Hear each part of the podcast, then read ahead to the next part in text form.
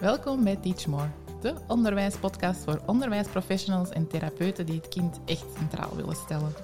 Wij zijn Gert en Carolien, twee experts in de ontwikkeling van kinderen die jullie graag inspireren met een portie ideeën, vernieuwde inzichten en theoretische achtergrond. Waardoor jij je passie voor onderwijs en kinderen weer helemaal voelt aanwakkeren en op maandagmorgen met bakkengoesting uit je bed springt. Hallo en welkom bij opnieuw een prangende vraag. Vandaag gaan we ons buigen over waarom is een opdracht lezen nu zo moeilijk? Iets waar leerkrachten heel vaak uh, ja, tot bij ons komen met die vraag van waarom kunnen kinderen niet meer lezen? Waarom is dat nu zo moeilijk? En uh, ja, daar gaan we vandaag eens even dieper in duiken, want dat is wel iets waar we veel van te weten komen en waar we veel uit kunnen halen. Ja, en een vraag lezen of een opdracht lezen, dat is ook iets wat we heel ons leven nodig hebben. Hè? Dus het is ook een hele belangrijke vaardigheid. Hè? En als we dan gaan kijken waar dat die eigenlijk begint, dan komen we al vrij vroeg bij onze uh, kleuterschool eigenlijk. Onze, onze eerste kleuterklas misschien zelfs al. Onze instappers, waar dat, waar dat eigenlijk alles begint. Daar uh, begint ook ons opdracht lezen. En je zou nu wel kunnen denken van ja, maar uh, instappertjes, die zijn uh, hier in Vlaanderen, want we weten ondertussen ook, er zijn wel wat Nederlandse luisteraars ook.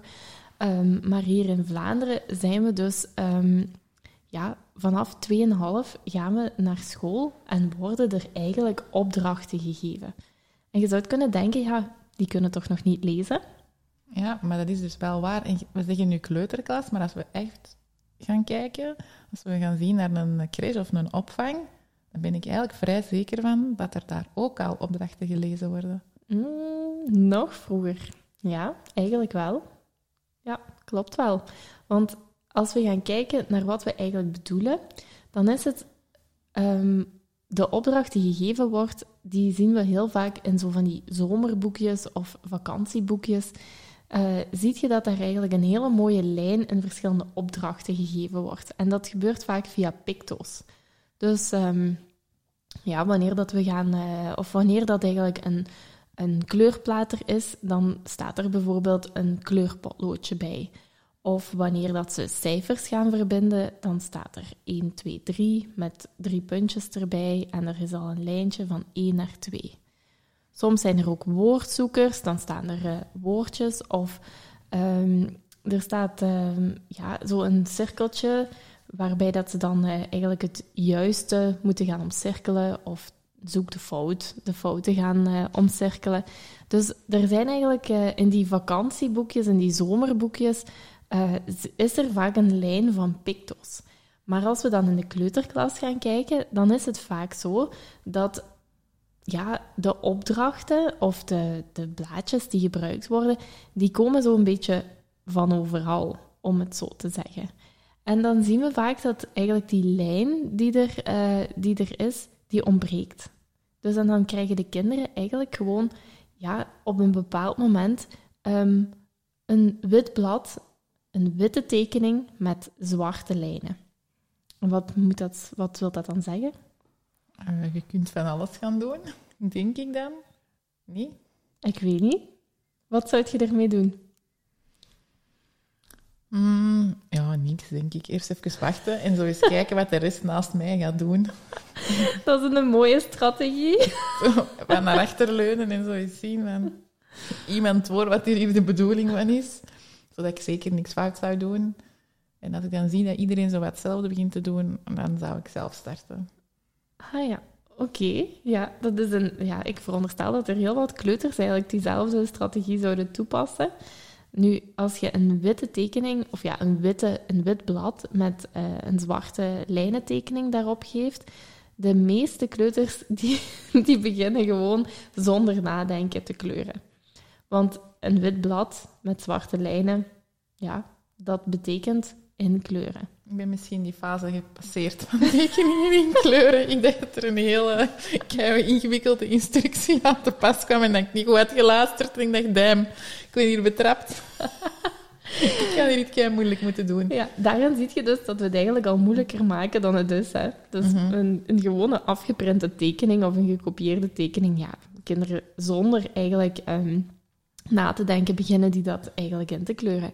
En daar is een tijd geweest, maar die is maar vrij kort, dat ze zich inderdaad wel de vraag zouden gesteld hebben van, hm, wat moet ik hier doen? En misschien begonnen ze wel ehm, met dat blad te spelen of te vouwen of verkreukt is het blad, maar dan wordt heel snel, en je zei het zelf, vanuit de crash misschien al, of van bij de ouders, wordt aangeleerd van ho, ho, ho, ho.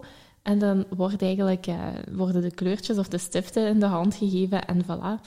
Daarbij wordt de opdracht eigenlijk al gedaan. Hè. Mhm. En we hebben het nu oh ja, over werkblaadjes, maar eigenlijk wordt ook een opdracht lezen is ook waar moet je je boekentas of je rugzak zetten, waar moet in de rij gaan staan, is eigenlijk ook een opdracht lezen. Mhm.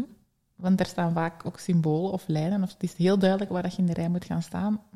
Ja, als dat niet duidelijk is voor u dat dat het teken is om in de rij te gaan staan, heb je de opdracht ook niet goed gelezen en kunnen ze ook niet uitvoeren. Dus Ja. we kunnen het misschien ook wel breder gaan trekken.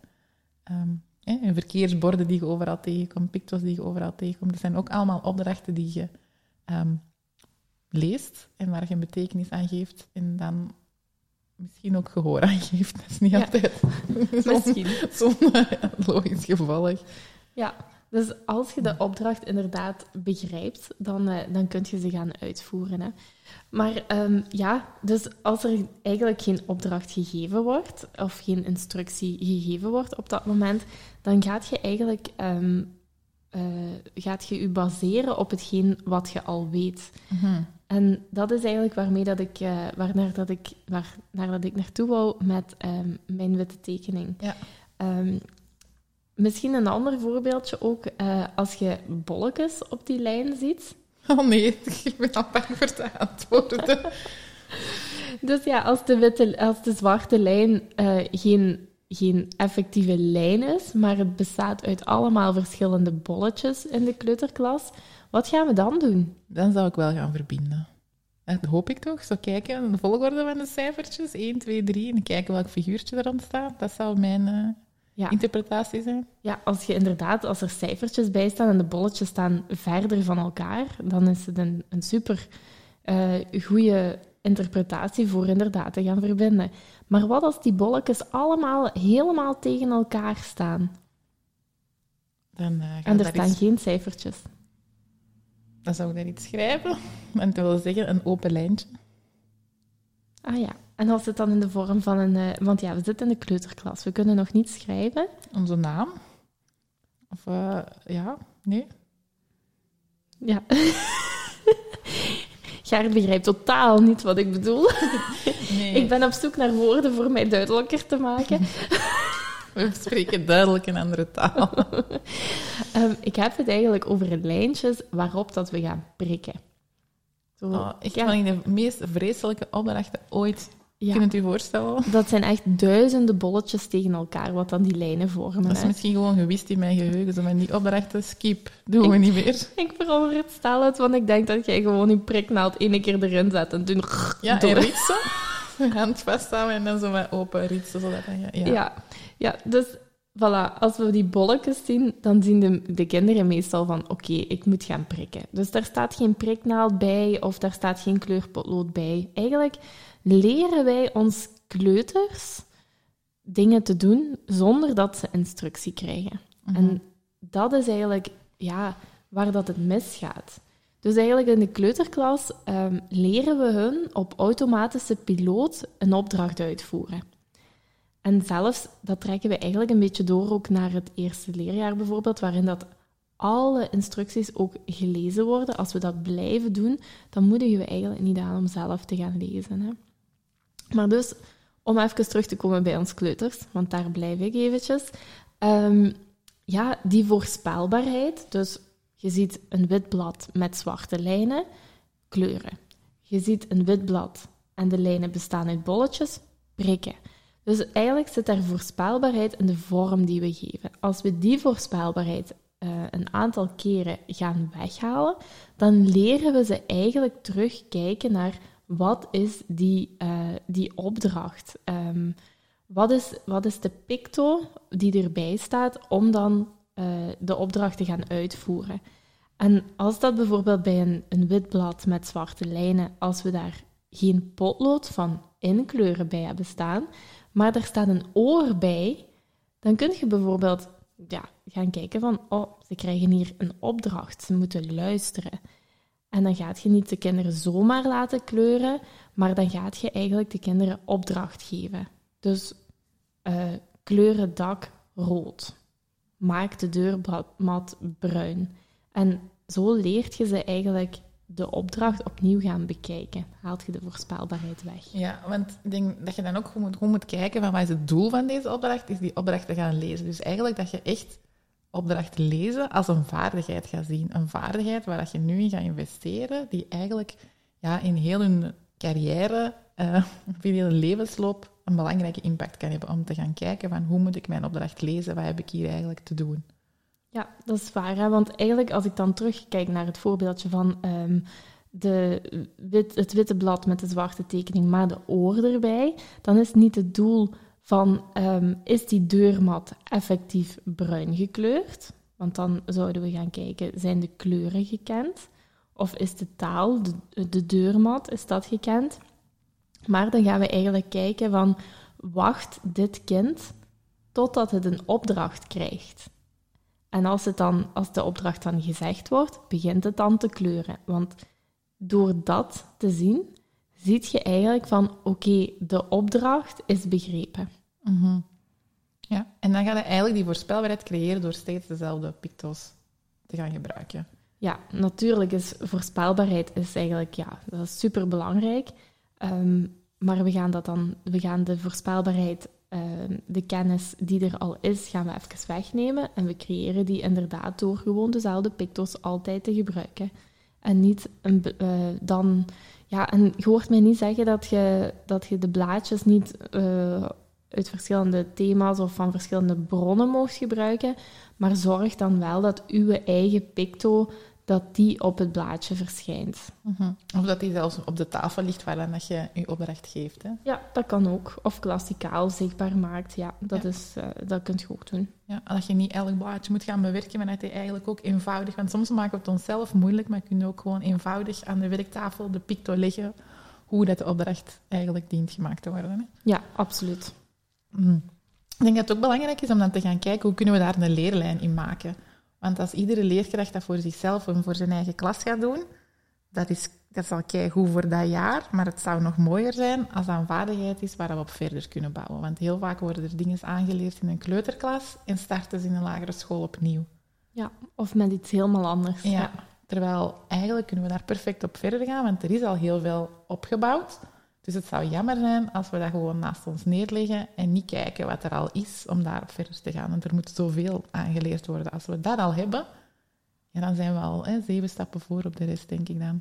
Ja, en ook als je eigenlijk dan, um, als we het over een leerlijn hebben, dan is het natuurlijk zo dat het, het doorgaande is voornaam. Dus als je dan gaat kijken van ja, wat hebben we eigenlijk al allemaal in de kleuterklas aangebracht en welke pictogrammen zijn daar al, dan kun je eigenlijk waarschijnlijk, waarschijnlijk kun je eigenlijk uw, um, uw opdrachten die je in de lagere school in het eerste leerjaar opnieuw gaat tegenkomen, die gaat je net hetzelfde weer, uh, weer terugzien. Hè? Dus als je gaat omcirkelen of rangschikken in de kleuterklas, dat zijn dingen die wat je ook bijvoorbeeld in de wiskundeles gaat je ook uh, rangschikken, gaat je ook dingen inkleuren. Dus die, die pictos kunnen waarschijnlijk eerst nog ondersteund worden ook, want de kinderen in het eerste leerjaar kunnen niet meteen lezen. En dan kunnen ze vervangen worden door eigenlijk een instructie. Ja, ja want inderdaad, dat talige, dat wordt eigenlijk pas als laatste echt ontwikkeld. Dus we mogen daar eerst wel naar dat beeld teruggaan, om dan dat verbalen, dat verbaallijk van die communicatie, om dat naar te gaan vereenvoudigen en dat eigen te maken. Ja, heel zeker. Um, ja, ik had daar juist al even gezegd, maar een opdracht lezen is een vaardigheid die op alle, alle leeftijden eigenlijk heel belangrijk is. Nu ga jij handleidingen lezen, want een handleiding lezen voordat je iets gebruikt, dat is eigenlijk hetzelfde. We gaan eens even terugkoppelen naar onszelf. Lezen wij eigenlijk wel voordat we iets gaan doen? Hmm. Um, Nee, Ja. Ik ben zo wat de persoon eh, van trial and error. Ik ook. Ik vind dat tijdverspilling. Ik wil dat, dat, dat lijkt dan, je krijgt dan zo'n heel boekje met verschillende talen en dingen. Dan denk ik, kom, ik ga dat gewoon uitproberen. Lukt dat altijd? Nee, niet per se. Ja, ik ben wel iemand wat dan, als het niet lukt, wat dan gaat bladeren van ehm, waar loopt het mis. Dat wel. Waar is de quick start? Ja, Is er zo één pagina waar alles op staat, liefst in symbolen of zo, waar je gewoon met één blikopslag kunt starten? Ja, ik merkte ook zelf eh, bij het ontwikkelen van materialen. ehm, we hebben bijvoorbeeld eh, samen ook de fijne motoriekoffer ehm, hebben we ook ontwikkeld. Waarbij dat, eh, de spelletjes en zo, hè, die, die zitten er dan in. En dan zaten, zat er ook een handleiding in. En eh, toen had ik ook gewoon werkelijk een quickstart ehm, erbij. Dat was één A4-blad aan twee kanten. En eigenlijk stond daar alles op. Dus ik vind het zelf wel belangrijk voor zo'n quickstart eh terug te vinden en voor die ook mee te geven. Dat vind ik, eh, die zou ik wel nog vastpakken. Ja, dat is hè. Ik vind dat zelf ook. Omdat je in één ding dan kunt zien van wat wordt er hier verwacht. Want vaak wordt er ook gewoon veel, heel veel overbodige informatie gegeven die niet echt noodzakelijk is om ja, je opdracht tot een goed einde te brengen. En dat is hetgeen dat wij eigenlijk in het begin ook al aanhaalden. Hè. Ja, ja. Nu, het is ook, ehm, naar mijn idee, is het ook zo als je al een patroon hebt, en dan kom ik eigenlijk terug bij die voorspelbaarheid. Als je al een idee hebt, je hebt het al ooit eerder gedaan, dan gaat je niet zo snel lezen.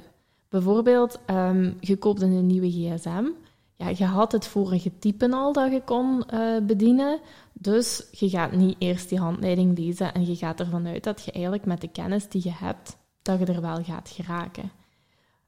Maar ja, een, een ander voorbeeld. Ik heb bijvoorbeeld onlangs een eh, poetsmachine aangekocht. Daar had ik dus nog geen patroon voor. En eh, dat moest helemaal nog in elkaar zetten. Ik heb nog nooit een poetsmachine ehm, in elkaar moeten zetten. Ehm, het was ook vrij kostelijk, dus ik vond het toch wel belangrijk dat, er, dat ik niks stuk deed of zo, eh, dat het te goed werkte. Ja, die handleiding heb ik er effectief bij genomen en ben ik effectief gaan kijken van eh, waar moet welk stuk zitten, Eh, hoe zet ik het in elkaar, hoe gebruik ik het, hoe moet ik het opruimen. Dus omdat ik nog geen patroon had of nog geen, eh, nog geen Geen beeld, geen, geen plan. Ja, toen, toen ben ik wel naar mijn handleiding gaan kijken. Dus als we even gaan terugkijken naar die kleurtekening, dat is bijvoorbeeld iets, ja, daar hebben we, eigenlijk de kleuters hebben daar vrij snel een plan voor, want ze krijgen een lege tekening en het is vrij snel duidelijk dat het de bedoeling is dat ze gaan inkleuren. En die voorspelbaarheid moeten we dus even wegpakken als we willen dat ze gaan lezen. Ja, de nood om... Oh ja, het moet een nut hebben. Hè. Ga niet voor niks lezen. Hè. Alles gaat vluchten in onze maatschappij, nu. Dus je gaat niet zomaar gaan lezen als je het gewoon zo kunt. Het heeft er geen nut. Als het er een nut is, zoals bij je poetsmachine, van ja, ik ga dat je recht niet stuk maken en dat moet van de eerste keer goed werken, ja, dan kost het wel de moeite om eens even te gaan lezen wat er effectief over gezegd wordt. Ja. Nu, ik vind ook, als het bij mij bijvoorbeeld iets niet lukt om in elkaar te zetten, dan zal ik eerder een filmpje gaan kijken, omdat de taal dat er dan zo uitgeschreven staat, ik vind dat ook bijvoorbeeld bij spelregels en gezelschapsspel, als ik dat dan lees, dan denk echt, waar hebben jullie het over? Ik heb hier geen beeld van, want dat is dan zo helemaal uitgeschreven, dan moet ik dat zo zetten en zien, ah, dat bedoelen jullie. Ja. Nu, het is ook heel moeilijk. Ehm, je hoorde het eigenlijk daarnet hier tussen ons ook. Ik probeerde te beschrijven eh, wat ik in mijn hoofd had. De, de tekening met de bolletjes. En jij hebt een, ander, eh, jij hebt een andere voorgeschiedenis, jij hebt andere eh, dingen meegemaakt. Dus jij maakte er eigenlijk een ander beeld van. Dus als je in taal moet gaan neerschrijven wat je wilt zien gebeuren, dan is dat, dat is interpreteerbaar. Dus dat is gewoon ook heel moeilijk. Dus als je dat heel juist wil doen, dan heb je daar precies ook heel veel woorden voor nodig. Ja, en eh, als ik dan even mag, terugkop of mag koppelen naar de kinderen in de praktijk die ik heel vaak zie, die zoeken voor alles een filmpje op. Ja. Maar echt voor alles. En hoe bedoelt je dan voor alles? Eh, hoe maak ik vrienden op de eerste schooldag? Er bestaat een TikTok over en YouTube-filmpjes en die kijken dat en dan denk ik, ah, staan echt keigoede tips in. Dus dat is ook wel die in de leefwereld, dat alles opgezocht kan worden en dat alles in een filmpje duidelijk wordt. Ja, het is natuurlijk ook wel handig, omdat het hetzelfde medium is. Ja, klopt. En ik denk ook, uh, het gaat, heel, gaat veel sneller dan te lezen. hè, Mhm. want je ziet dat, dat, we- of dat heel vaak krijgen we te horen dat heel weinig kinderen graag lezen. Of zelf een boek vastpakken, omdat dat minder prikkels zijn, omdat dat andere dingen vereist. Ehm, maar het gaat ook gewoon veel trager. Hè? Tegen dat je een boek hebt uitgelezen of dat je een filmpje hebt gezien. Ja, ik ben met mijn poetsmachine wel echt lang bezig geweest. Werkt ze? Ja. Ze doet dienst. Het heeft nut gehad. Nu, er zijn een aantal voorwaarden om goed te kunnen lezen. En eh, ik heb het daar juist eigenlijk al even over gehad, maar als ik dan over mijn stokpaars executieve functies denk, ja, zonder aandacht kun je eigenlijk al gewoon niet tot lezen komen. Je moet echt wel je aandacht kunnen richten naar dat blad. Hè. Ik zei het al, het kost veel moeite om te lezen. Het gaat niet vanzelf. Die aandacht die heb je echt wel nodig om tot lezen te kunnen komen. Daarnaast is ook impulscontrole een heel belangrijke. Je hebt maar één input via dat, dat lezen. Dus je moet je echt wel focussen. Alles wat er rond je gebeurt, als je naast je kijkt, zit je draad terug kwijt, weet je niet meer waar je moet beginnen, weet niet meer wat je gelezen hebt. Dus impulscontrole is ook een heel belangrijke voorwaarde of executieve functie die ontwikkeld dient te zijn om tot dat lezen te kunnen komen.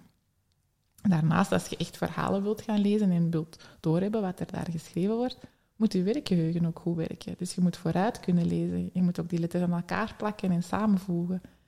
Ja, je hebt eigenlijk wel heel wat dingen nodig om tot dat lezen te kunnen komen. En dan heb ik het alleen nog maar over executieve functies, want op vlak van reflectie, Caroline, is er ook nog wel heel wat te zeggen. Hè? Ja, ik was zelfs nog aan het denken over dat werkgeheugen, het vooruitlezen.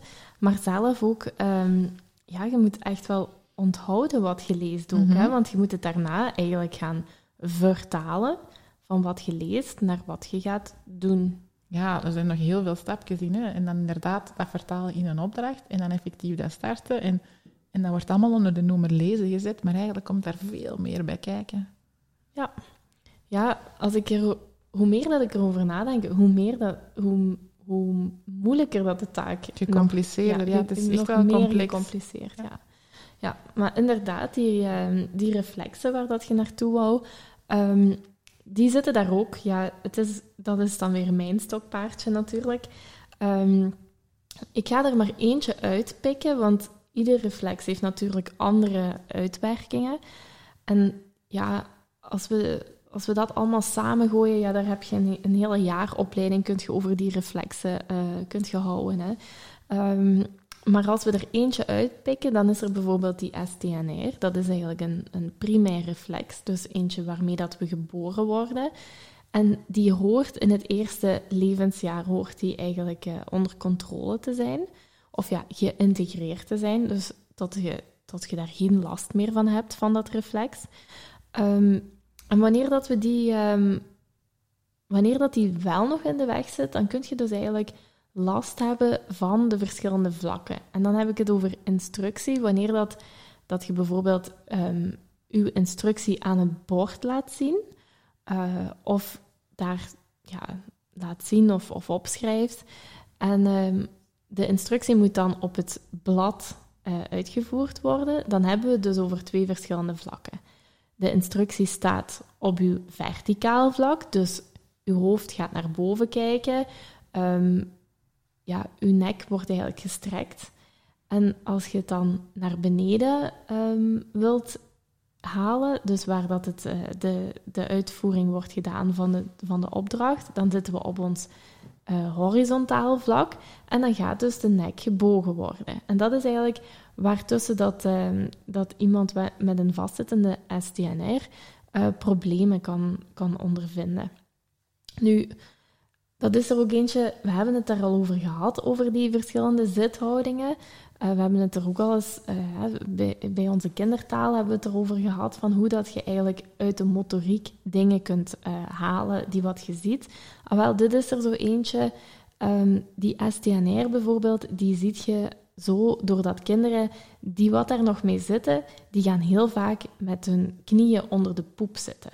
Dus die hebben eigenlijk hun knieën gebogen en die zitten bovenop hun voeten. Dat zijn eigenlijk de kinderen die wat nog eh, een STNR eh, in de aanbieding hebben. En dan is voor hun lezen zo moeilijk, omdat als die van vlak veranderen, dan komt die reflex eigenlijk naar boven, waardoor het elke keer terug moeten gaan zoeken waar ze zijn op hun blad. Ja, inderdaad. Dus door die nek van boven naar beneden te bewegen, wordt die reflex opgeroepen en wordt die getriggerd eigenlijk. En ja, dan, dan wordt er eigenlijk energie gevraagd aan iets wat geen energie zou mogen kosten. Dus dan is het iedere keer opnieuw zoeken, waar was ik? Hm. En dan is het niet zo, ja, niet zo vreemd dat je niet meer gaat lezen wat er staat, maar dat je gewoon op je gehoor of op je buren afgaat om te kijken wat je moet gaan doen, zodat je in datzelfde vlak kunt kijken en dat niet heel de tijd de reflex eigenlijk stoort. Ja, en nu klinkt het alsof je dat heel bewust gaat kiezen. Hè? Want uh, dat je zou zelf opmerken dat, dat u iets stoort en dat je Mhm. dat gaat vermijden. Maar zo bewust gebeurt het niet. Maar het is wel zo dat de kinderen, en, en wij ook, wij zijn allemaal, hè, wij mensen zijn gemaakt om efficiënt te werken, om efficiënt in het leven te staan. En als je voelt of je lichaam gewaar wordt dat iets moeite kost, ja, dan gaat je dat compenseren. Dus, maar dat gebeurt wel op een onbewust niveau. Ja. Maar wij zien dan wel die compensatiestrategieën, zoals die eh, knieën onder de... Allee, je benen onder de poep en dat je op je knieën gaat zitten. Is dan hetgeen dat wij zien, die compensatiestrategie, maar bij hun is dat niet bewust dat dat gebeurt. Voilà, ja. Oké. Ja. Nu, ehm dus niet alleen dat dat we nodig hebben om te kunnen lezen. Er komt nog heel veel aan te pas. Ehm, ook brain gym, als we het dan hebben over, over kruising, die middenlijn. Ehm, ja, dat heeft ook een kei grote invloed op te kunnen lezen. Want als we die middenlijn niet kunnen overkruisen, ja, dan kun je eigenlijk gewoon niet lezen wat er op een bord of vlak voor u staat, of in uw schrift zelfs. Ja, het is zelfs zo, als ik eh, kinderen hier in de praktijk zag, wat hun middenlijn heel hardnekkig niet overkruiste, ehm, dan zie je echt dat die ogen, wanneer dat je die, eh, bijvoorbeeld zo een liggende achtbaan met daar wat knikkers op, en je vraagt ze voor die knikker te volgen in die liggende acht, en je gaat dan zo van onder eens meekijken wat die ogen doen, dan zie je gewoon dat die echt in het midden, dat die echt een sprong maken. Dus dat wil ook zeggen dat als je dat eigenlijk gaat vertalen naar lezen, dus dan, en die moeten van links naar rechts lezen, ja, dat die eigenlijk ergens in het midden, dat die ergens eh, ja, een aantal woorden gaan missen, waar dat die ogen die sprong hebben gemaakt. En ofwel gaan ze dan, ofwel gaan ze zelf er iets van maken, ofwel gaan ze moeten terugkijken en opnieuw lezen en opnieuw er rustig over gaan en dan vertraagt dat leesproces. Dus op die manier heb je eigenlijk ja, twee strategieën. Nu, zo bijvoorbeeld letterdraaiingen, be, de, heeft dat hier dan ook mee te maken? Ehm, dat zou wel kunnen. Eh, die, ehm, dus lateralisatie, of je, ai, dat is niet per se de lateralisatie, maar dat gaat dan over voorkeursrichtingen. Maar ehm, in het proces van eh, lateralisatie eh, gaat uw richtingsvoorkeur eigenlijk regelmatig, eh, afhankelijk in welk proces dat je zit, gaat uw richting een bepaalde voorkeur hebben. En als uw ogen dan bijvoorbeeld van rechts naar links de voorkeur hebben, ja, dan leest je eigenlijk eerst een bolletje en dan een streepje, terwijl dat er een bus staat. En ja, we weten, als je van de andere kant komt en je ziet dan eerst een bolletje en dan een streepje, ja, dan heb je een de. Dat is een andere letter. Ja. Dus ehm, dat is inderdaad wel in dat proces ehm, wordt dat wel meegenomen. Omdat dat ook wel iets is dat vaak leerkrachten zien, hè, van die spiegelen of die letter. En dat maakt natuurlijk het lezen ook niet gemakkelijk. Ja, het mooiste om eigenlijk deze observatie te doen, of kinderen eh, al dan niet hun lichaamshelften overkruisen, is eigenlijk de oefening van brain gym eens te doen in uw klas. En dat is de kruisloop. En dat is super simpel. Ehm, iedereen staat recht en je tikt eigenlijk met uw handen, eh, uw rechterhand tikt uw linkerknie en uw linkerhand tikt uw rechterknie. En zo blijft je eigenlijk, dat blijft je herhalen. En dan zie je eigenlijk, als je dat zelf ook voordoet, dus je doet overkruist mee, rechterhand, linkerknie. En de kinderen die wat niet overkruisen, gaan gewoon voor je staan, die, die hebben de indruk dat ze hetzelfde doen, maar jij ziet dat ze rechterhand, rechterknie doen. Dus die blijven aan één lichaamszijde.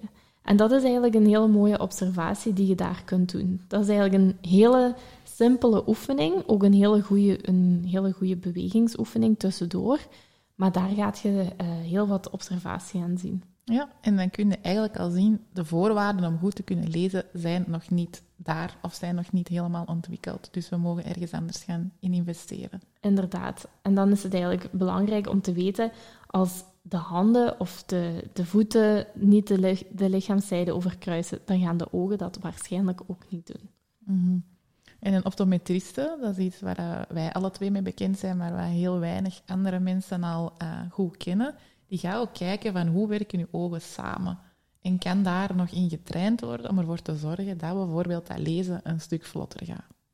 Ja, dat samenwerken van de ogen eigenlijk. Hè. Dan, die, die gaan ook wel kijken of de ogen overkruisen. Um, ja, ik vind het sowieso een goed idee om altijd even te gaan laten checken. Als je eigenlijk uh, merkt dat er toch wel een leesprobleem is, um, vind ik het eigenlijk altijd goed dat er, dat er even langs gegaan wordt. Ja, want dat wordt inderdaad, dan wordt er heel snel overgegaan naar logo of zo, terwijl dat, dat nog niet aan de orde is. Eigenlijk zijn de voorwaarden daarvoor, dus de kern, de fundamenten, die zijn nog niet helemaal tot ontwikkeling. En om dan echt dat logo te gaan doen en effectief iets te gaan trainen, dan zitten we wel een stap te ver. We mogen eigenlijk teruggaan, naar de kern gaan kijken en zien wat er aan de, aan de oorzaak of aan de basis ligt van dat niet tot lezen komen. En dat is dan niet direct een stoornis, dat is gewoon dat dat nog niet ontwikkeld is. Ja, en ook een optometrist werkt ook heel vaak met uh, oefeningen voor die ogen.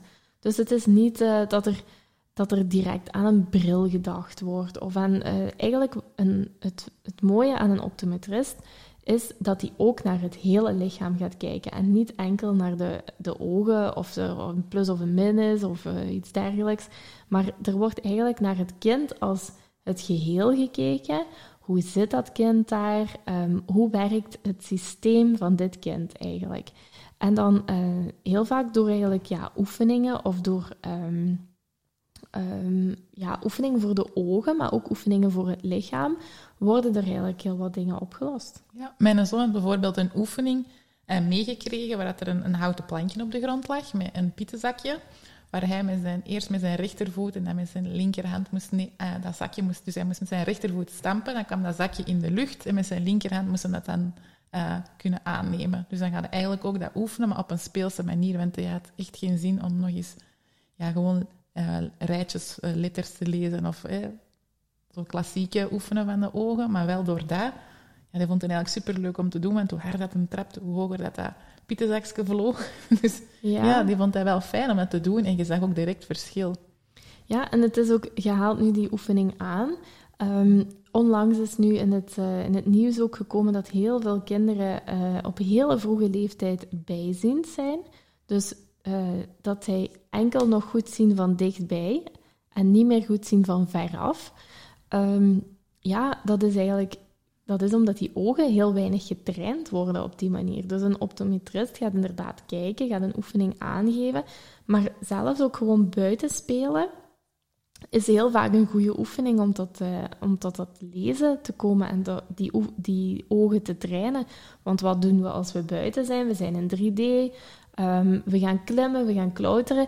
Ja, als je een kind ziet klimmen, een kind kijkt waar dat het naartoe klimt. Dus dat is constant uh, veraf en dichtbij, wat eigenlijk, bijstellen, ja. ja. wat eigenlijk afwisselend gedaan wordt. Want we kijken waar dat we naartoe gaan, maar je kijkt ook direct waar dat uw hand nu moet staan.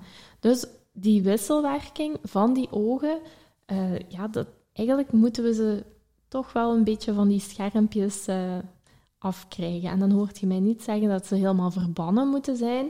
We hoeven zeker niet terug naar de middeleeuwen.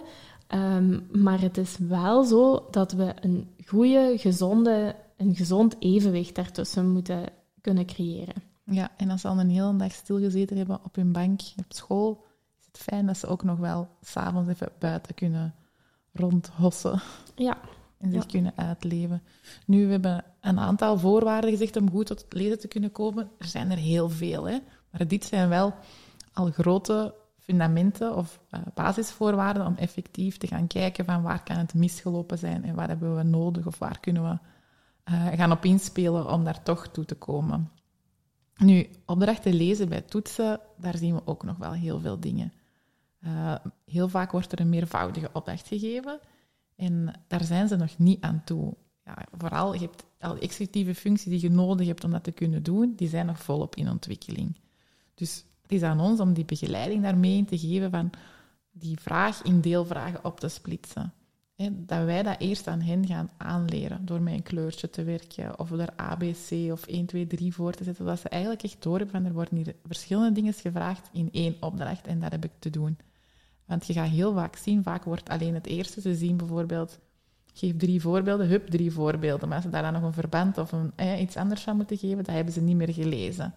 Of het laatste stukje. Soms gebeurt het ook dat ze alleen maar dat laatste stukje hebben gelezen en dat ze alleen maar op die laatste vragen antwoord bieden. Dus we mogen hen echt begeleiden in het ontleden van meervoudige opdrachten. Om dat te leren lezen en te kijken wat ze daarvoor nodig hebben. En houd in je achterhoofd dat de voorwaarden daarvoor nog in ontwikkeling zijn. Dus dat ze niet expres vervelend doen, uh, dat ze het niet toch al zouden moeten kunnen. Nee, we mogen hen dat echt gaan aanleren. Want dat is weer een vaardigheid die dat je in heel je schoolcarrière nodig hebt. Dus investeer er maar gerust tijd in om dat te gaan doen. Ja, ik moet dan direct denken eigenlijk ook aan uh, meervoudige opdrachten. Zo in het begin um, bij het rekenen dan wordt er wel eens gevraagd voor de bewerking uh, te noteren aan de uitkomst. Wat moet daar eigenlijk mee? Zijn dat kinderen die wat de, de uitkomst dan direct opschrijven, hebben die de vraag niet goed gelezen? Of die hebben een tussenstap niet nodig, denk ik dan. En er worden dingen ons aangeleerd, zogezegd als hulpmiddel, maar voor heel veel kinderen is dat geen hulpmiddel. Is dat eigenlijk een verwarrende extra stap, want in hun hoofd gebeurt die tussenstap niet. En wij gaan dan verwachten om dat als tussenstap te doen, want als ze dat niet aangeleerd hebben, gaan ze later tot problemen komen. Nu, als je iets niet nodig hebt, dan is dat eigenlijk een energieverspilling, is dat een extra stap en je, je gaat er ook het nut niet van zien en is dat soms extra verwarrend. En gaat pas op het moment dat zij echt voelen van ik heb een tussenstap nodig, dan pas aangeleerd kunnen worden. Ja. Ja, dus trekken we hier dan een punt vooraf? Oh nee, liever niet, nee. Dan gaan we gewoon kijken, wat laat die ons zien? Oh, die laat ons zien dat hij eigenlijk geen nood heeft aan tussenstappen en dat dat in haar hoofd of in zijn hoofd in één keer gebeurt. Prima. Ja, dus er is toch ook nog wel een verschilletje tussen eigenlijk de opdracht lezen en zien wat er eigenlijk nodig is. Vind ik wel. Vind dat je daar ook heel veel... Dus zoals bijvoorbeeld schatten. Schat uh, wat dit gaat worden. Ja, in hun hoofd kunnen die dat in één keer uitoefenen. Dus die schatting wordt dan pas op het einde daarnaast allez, ingevuld. Ja, wat is het doel van die opdracht? Probeer ook altijd te kijken, wat wilde met je opdracht bereiken? Gaat het dan niet over de opdracht lezen? Of gaat het dan niet over schatten? Of gaat het over tussenstappen bereik, uh, gebruiken? Ga even kijken waarom iets belangrijk is. En als er kinderen superveel fouten maken, dan is het wel belangrijk om dan te gaan kijken, oké, je hebt wel tussenstappen nodig. Er gebeurt ergens, hè, we gaan ergens een stapje mis. We gaan eens even kijken hoe dat jij het doet in je hoofd, dat we dat kunnen gaan ja, herstellen of op een andere manier daarin zetten. Want als je iets op een, altijd op dezelfde manier doet, is het heel moeilijk om dat te doorbreken. Maar dat wil niet per se zeggen dat je een opdracht niet goed leest. Dat is misschien gewoon omdat je dat niet nodig hebt. Dus het is altijd goed om eens even te gaan kijken. Oh, dat gebeurt vaker wat kunnen we hiermee? Wat zegt dat hierover? Ja, het is dus niet dat ze bij de buren altijd zijn gaan halen. Nee, helemaal niet. Helemaal niet. Dat valt wel, je kunt daar wel redelijk snel een patroon zien in de manier waarop. En ja, die tussenstappen of die extra dingen, die zijn niet voor iedereen een meerwaarde, integendeel. Dus eens even te kijken van, moeten we eraan punten op geven of niet? Nu, als ze geen tussenstap hebben gedaan en de uitkomst is fout, ja, dan hebben ze ook geen punten. Dat hoort er dan ook bij. Dat is dan ook de consequentie van hun ja, een manier van aanpak. Ja. ja, daar kan ik mij dan ook wel weer helemaal in vinden. Ja. Nu ja, de opdrachten die wat gegeven worden, die, uh, die worden ook wel eens op andere manieren gegeven. Niet uh, per se een, een vraag als eerste, maar dan zo met puntjes tussenin. Ja, en dat is zoiets ja, heel vaag. Hè? Um, mijn zoon heeft nu zo'n taalmethode waar dat, um, op laatste altijd een opdracht staat. Ja, je ziet, ik zie dan van boven al staan, het gaat hier over verdubbelen of verenkelen. Dus het zullen woorden moeten zijn met verdubbelen en enkelen. Maar als je die zin leest van de puntje, puntje, puntje zitten in een hok, ja, er kunnen heel veel dingen in een hok zitten. Dus hè, wat, is dan de juiste, wat is dan het juiste antwoord? Dan moeten al kunnen gaan... De, het kader overzien van, oh, we zijn hier bezig met verenkelen en verdubbelen. Dit zijn de begrippen die eigenlijk moesten gekend zijn, dus ze zullen wel graag een van die begrippen hier hebben vraag is dan, wat zijn we aan het oefenen? Hè? Willen we dat ze dat kunnen lezen, dat ze eigenlijk nog niet kunnen? Een overzicht, metacognitie over de situatie, kijken wat er gevraagd wordt. Willen we ze die woorden leren inoefenen? Je moet altijd heel goed kijken, wat is eigenlijk het doel van deze opdracht? Is er dan iets goed gelezen? Nee, dat heeft eigenlijk niks met goed lezen te maken. Dat heeft te maken met, wat wordt er hiervan verwacht? En ja, gaat zijn doel voorbij. Leren we ze dan eigenlijk uh, zelf nadenken? Of wat leren we ze dan eigenlijk? Ja, ik denk dat dat een vraag mag zijn die dat je je stelt als je opdrachten geeft, of dat je taken meegeeft, of dat je een toets geeft van wat wil ik hiermee meten? Willen we meten dat ze leerstof kunnen reproduceren? Willen we ze probleemoplossende vaardigheden aanleren? Willen we ze kritisch leren nadenken? Ik denk dat dat iets is waar wij zelf ook meer mogen doen bij toetsen en taken die we meegeven of uitdelen.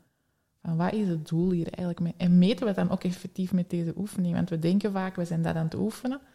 Maar als we even die opdracht ontleden, vaak zijn we dat helemaal niet aan het oefenen.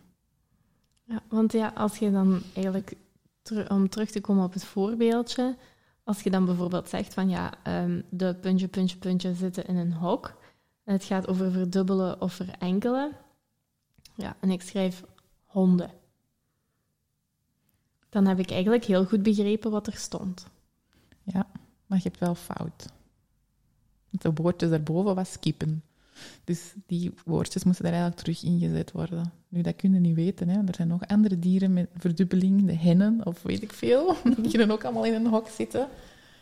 Um, en ik denk dat het ook belangrijk is dat we dan gaan kijken, zitten we mee in de leefwereld van die kinderen als we zo'n vraag gaan stellen? Of is dat iets wat echt buiten hun leefwereld valt? Nu, we mogen sowieso ook dingen buiten de leefwereld, maar als je dat gaat verwachten, gaat het dan nog over de opdracht lezen of gaat het dan al over een beeld dat je ervan hebt? Ja. Dus ik denk dat dat, ja, zodat kritisch nadenken over onze eigen vragen, verwachtingen, dat dat ook wel uh, zinvol kan zijn. Ja, uiteindelijk willen we willen we toch gaan kijken van... Ja, is het, is het goed? Nee, ik zeg, ik zeg het fout. Uh, uiteindelijk willen we gaan kijken... Um, de leerstof die zij, uh, die zij hebben opgenomen, is die goed verwerkt? Dat is eigenlijk het doel van een van huiswerk of van, van toets. Voilà. Voilà. En, uh, en eigenlijk is dit op, op, bij zo'n opdracht is dat eigenlijk uh, naast de kwestie. Voilà. Ja. ja, en ja, waarom is een opdracht lezen zo moeilijk? Je moet eens even naar jezelf kijken. Hè? Hoe vaak heb je geen mails van mensen, inschrijvingen, die dan naar u sturen van hoe laat begon het nu weer? En, en ja, tal, tal van praktische hè, vragen die eigenlijk gewoon op de site vermeld staan, die in hun bevestigingsmail zitten, waar ze eigenlijk al op heel veel verschillende manieren een visuele reminder of echt een, een, ja, een tekst met uitleg hebben gekregen. Ja, best wel vaak. Dus eigenlijk zien wij zelf van, lezen wij zelf alles nog met evenveel aandacht? Nee. Er is een hele grote overload aan. Als je nu zelf ziet, zelfs over school of ja, voetbal, WhatsApp-groepjes, een mailgroep. Uh, ja, heel vaak is dat zoveel, dat komt een hele dag door binnen. Je laat dat even voor wat dat is of je leest even bij en je mist eigenlijk heel vaak de cruciale informatie. Ja, ook omdat het veel is. Hè? Het is inderdaad het is een overload, ja. Maar ja, de opdracht lezen of gewoon informatie lezen en opnemen, het is toch wel een ding. Dus ja, wat is ons ultieme tip? Een ultieme tip, ineens een download die we gaan doen, is toch wel werken met een beeld. Dus met een leerlijn of picto's die je gaat gebruiken over de verschillende jaren heen. Ja, en die hebben we ook in een download gegoten. Die download gaat je het riskeren voor de link een keertje te zeggen? Um, nee. dus jullie kunnen de download bekomen uh, door jullie naam en e-mailadres achter te laten op www.teachmore.be slash podcast slash 14. En dan willen we besluiten met Gert waarom een opdracht lezen zo moeilijk is. Omdat er heel wat voorwaarden zijn die nog niet helemaal ontwikkeld zijn om goed tot lezen te kunnen komen, is lezen heel moeilijk. Kort en bondig. Voilà. Bij deze sluiten we af en dan zien we jullie, of ja, horen jullie ons volgende week terug met een nieuwe prangende vraag. Tot volgende week. Dag. Bedankt om te luisteren naar een nieuwe aflevering van Teach More, de onderwijspodcast. Vond je deze aflevering waardevol? Laat het ons dan weten door een review achter te laten in de podcast-app waarmee je deze podcast luisterde. Blijf je graag op de hoogte van nieuwe afleveringen? Abonneer je dan op deze podcast en je ontvangt automatisch een berichtje wanneer er een nieuwe aflevering is. Wij delen ook dagelijks tips via onze social media. Je kan ons volgen op Instagram via teach more of op Facebook teachmore. Blijf je graag als eerste op de hoogte van al onze nieuwtjes? Schrijf je dan in voor onze nieuwsbrief op www.teachmore.be. Daar vind je ook ons volledig aanbod aan vormingen, workshops en teambuildings terug.